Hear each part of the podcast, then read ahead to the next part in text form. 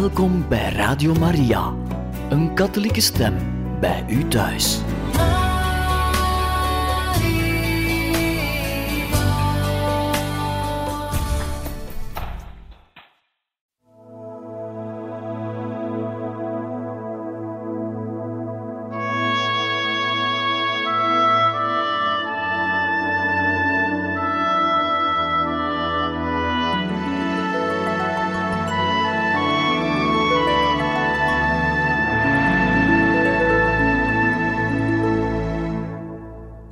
Beste luisteraars van Radio Maria, welkom in het programma Heiligen Getuigen, waarin we nu vandaag het slot zullen voorlezen van het boek Wij worden geboren om nooit meer te sterven, het verhaal van Chiara Corbella Petrillo.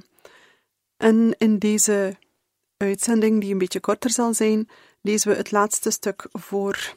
We zijn gekomen aan het einde, namelijk Chiara is net overleden. Chiara werd als een bruid aangekleed. Haar gemartelde lichaam was stralend. Op haar gezicht stond een glimlach. Haar man schreef deze woorden voor haar. We zijn samen deze berg opgegaan. We hadden het hem beloofd om al onze dagen van elkaar te houden. We hebben erop gewacht om hem van ver te zien komen, altijd met onze lampen brandend, dag en nacht. We droomden ervan om hem samen te zien, maar hij wilde meer voor ons. Zoals de lente kwam hij in stilte.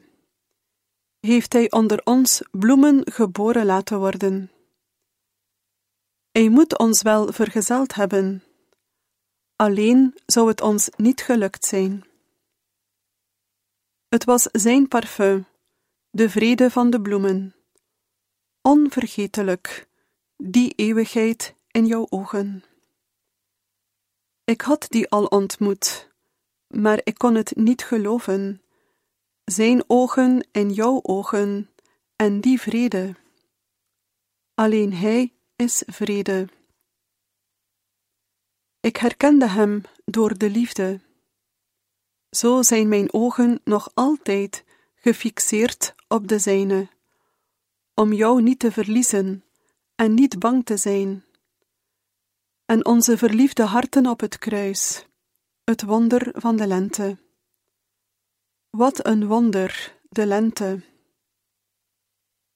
Hoeveel keer heb ik je aangekeken, maar pas nu is je schoonheid aan mij onthuld. Je bent de mooiste bloem, en ik de gelukkigste bij. Ik had het intuïtief aangevoeld. Hij wist het altijd al. Wat is het leven een wonder, mijn schat. Altijd met lege handen voor hem, voor heel de eeuwigheid, altijd zo altijd zo genereus met ons. In Hem is het leven, en in jou heb ik Hem gezien. Hij koos mij tussen duizenden om jou bij te staan. Hij gaf mij de moed om afscheid te nemen van jou. Ik dacht dat de vreugde voorbij zou zijn, maar dan heeft Francesco er mij aan herinnerd. Hij is Gods trouw. Hij is de liefde die niet teleurstelt. Hij is de waanzin van het kruis van de liefde, gewoonweg gegeven. Hij zei: Zoals de Vader mij gezonden heeft, zo zend ik jullie. Maar pas nu heb ik de betekenis hiervan begrepen. Enkel God kan zo liefhebben. Alleen was het niet mogelijk om het te kunnen. Wij zijn het wonder van de lente, dat leven schenkt aan de winter. We weten dat wij gelukkig zullen sterven, omdat de dood al stervend overwonnen wordt. Ik hou van jou, zoals de lente van de winter houdt, liefdevol en in stilte. Je hebt de sneeuw voor mij doen smelten, om nog meer versteld te doen staan. De ongelovigen, wanneer ze ons zullen zien terugkomen, nog een keer, maar deze keer voor altijd samen. De volgende dagen waren prachtig. Het lichaam van Chiara werd in de open kist gelegd, in de ruime zitkamer, waar het rozenkransgebed zoveel keren was gebeden en die nu een schitterende kapel geworden was. Chiara, in haar bruidsjurk en met een rozenkrans in haar hand en een klein bosje lavendel, lag in het centrum van alle gebeden en vieringen. Haar gezicht was gezalfd met mirre. De geur verwelkomde iedereen die binnenkwam. Het voelde alsof wij op de berg Tabor waren. We voelden ons heel dicht bij Jezus, die aanwezig en levend was, en we wilden niet vertrekken, maar onze tenten opzetten en blijven. Mensen liepen continu in en uit. Heel veel mensen kwamen Chiara groeten. Iedereen, van ouders tot kennissen, wisselde verhalen uit over ervaringen die ze met de Petrilo's beleefd hadden. De begrafenis werd op 16 juni in de kerk van Santa Francesca Romana gevierd. Het was de dag van het onbevlekte hart van Maria, een mooi teken voor Chiara, die een speciale band had met de Maagd Maria. Het was de dagelijkse toewijding aan haar hemelse moeder, die haar hart gezuiverd had en het bevrijd had van alles wat het bevulde. Meer dan twintig priesters droegen gezamenlijk de mis op. De kerk was vol, en het was een overweldigend, onverwacht, liefdevol symbool. Voor Chiara's ouders, wiens huis tijdens de laatste weken het doel was geworden van pelgrims, was dat een echte troost. Ook zijn eminentie, kardinaal Valini, vicaris-generaal van zijn heiligheid voor het bisdom Rome, was er. Hij had Chiara en Enrico een paar weken voor de audiëntie met de paus ontmoet. Ook hun vriend Gigi was toen bij hen. Hij had de ontmoeting met de paus georganiseerd en Chiara had hem, ondanks zijn bescheiden protest, tegengehouden om hem te bedanken. Die dag had de kardinaal met hen een band opgebouwd. Zijn woorden op de begrafenis waren heel mooi. Hij definieerde Chiara als een tweede Gianna Beretta Molla. En hierbij een voetnoot. De heilige Gianna Beretta Molla, geboren 1922, overleden 1962, was een Italiaanse kinderarts en moeder. Tijdens de zwangerschap van haar vierde kind werd ontdekt dat ze een fibroom ontwikkeld had in haar baarmoeder. Ze koos voor het leven van haar kind en stierf een week na de geboorte van haar dochter.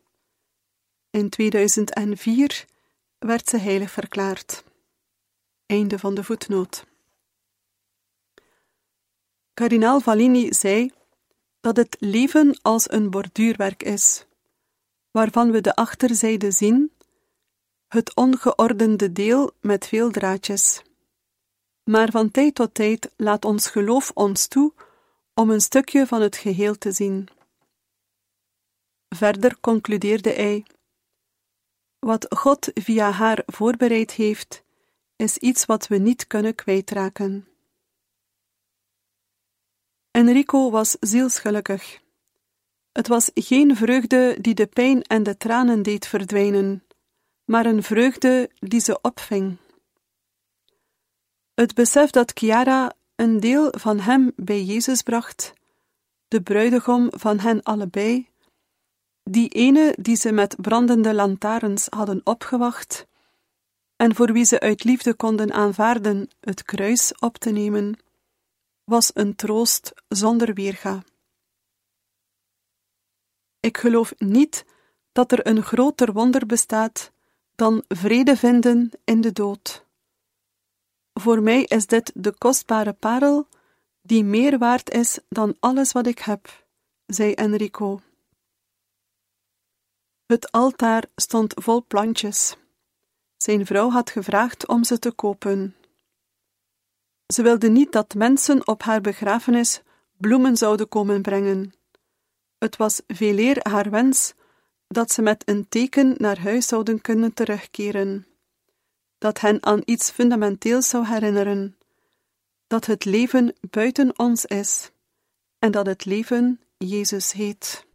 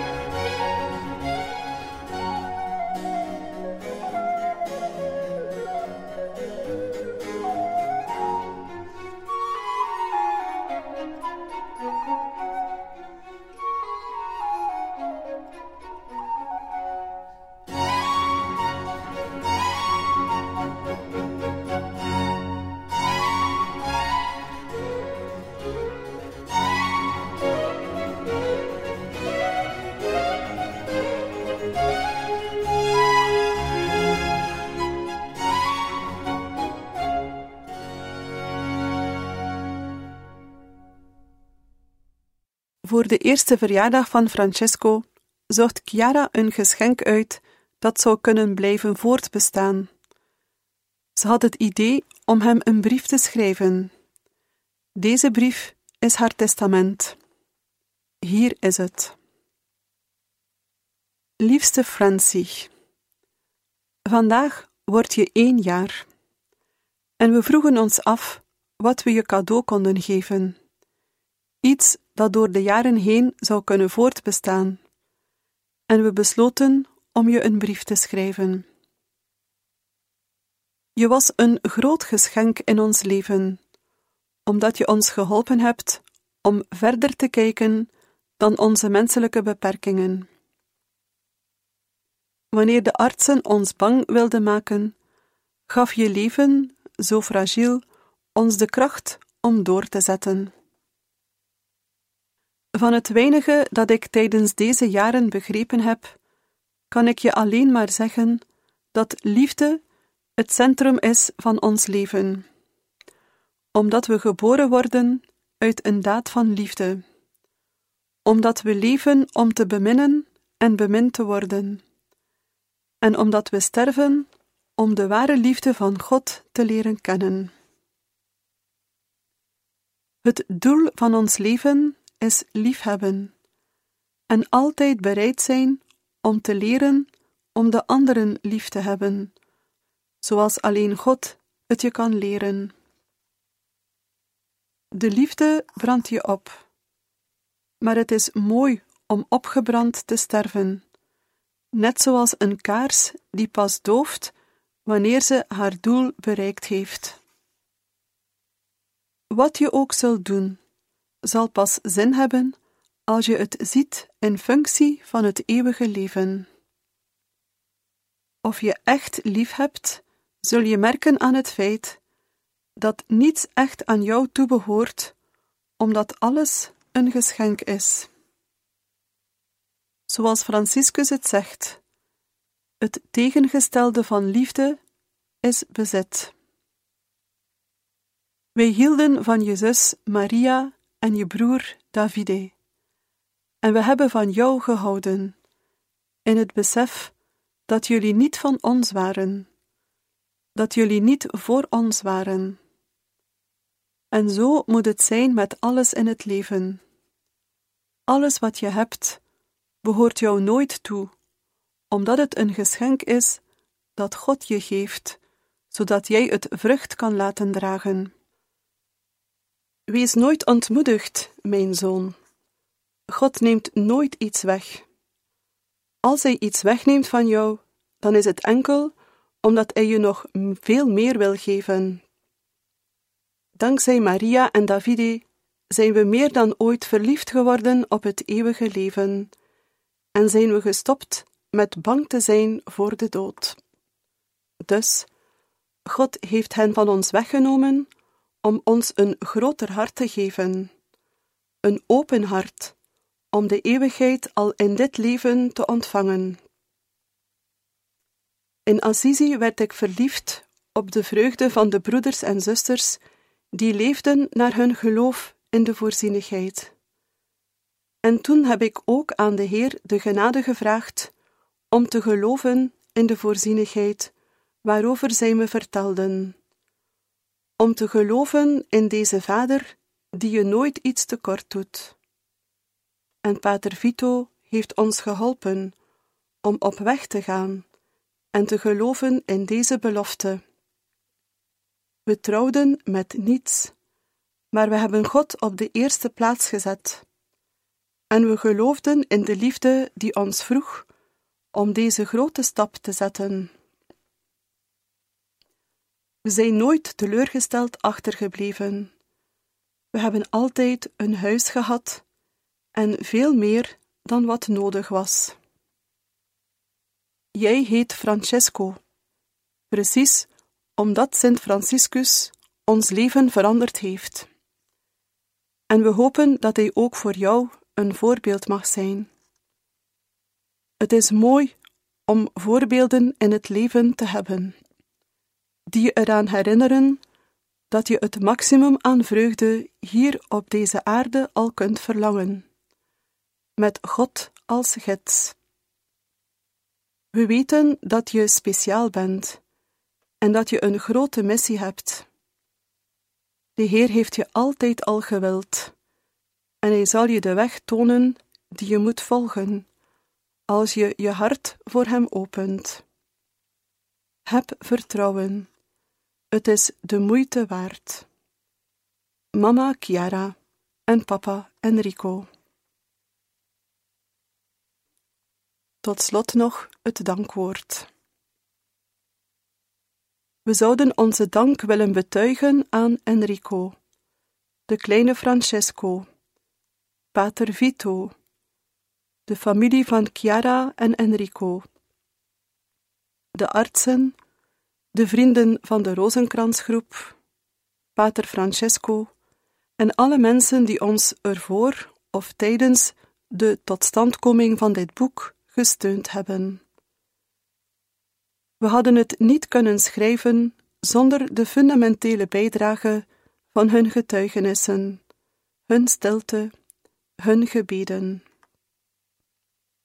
Chiara heeft ons getoond wat een heilige dood betekent. En ze heeft ons getoond hoe een kind van God leeft.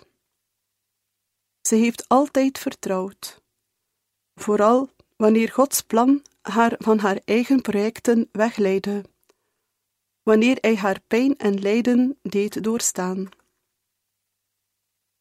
Het zou fout zijn om te zeggen dat Chiara van het kruis hield. Ze hield van de persoon die aan het kruis hing, Jezus. Dat maakte het voor haar mogelijk om tot het einde toe lief te hebben, om blij te zijn dat ze aan Francesco het leven kon schenken. Zoals Enrico het schreef in een gedicht dat Chiara heel mooi vond. Deze dood, die ons bestaan kwelt, is gewoon een deur. De hoop. Beste luisteraars van Radio Maria, hier beëindigen wij het voorlezen uit het boek Wij worden geboren om nooit meer te sterven. Het verhaal van Chiara Corbella Petrillo.